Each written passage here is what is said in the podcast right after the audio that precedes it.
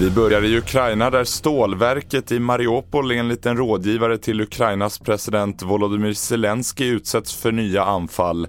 Området är det sista i den strategiskt viktiga hamnstaden som ryska styrkor inte vunnit kontroll över. Hundratals civila gömmer sig i källarlokaler under stålverket och nya angrepp innebär ett taktikskifte från rysk sida eftersom Rysslands president Vladimir Putin tidigare beordrat styrkor att blockera och inte anfalla området.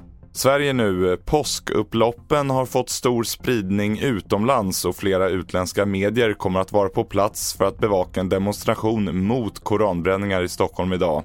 Mikael Tovesson vid Myndigheten för psykologiskt försvar ser nu att flera utländska aktörer engagerar sig Bland dessa finns den militanta terrorsekten Islamiska staten. Det är ju de aktörer som var verksamma under LBU-kampanjen, alltså vi pratar om Shon Islamia. Nu ser vi även att olika eh, terrorstämplade organisationer även har hakat på här och andra eh, eh organisationer internationellt med antidemokratiska eh, vad ska man säga, syften. Mer om det här och fler nyheter hittar du på tv4.se. Jag heter William Grönlund.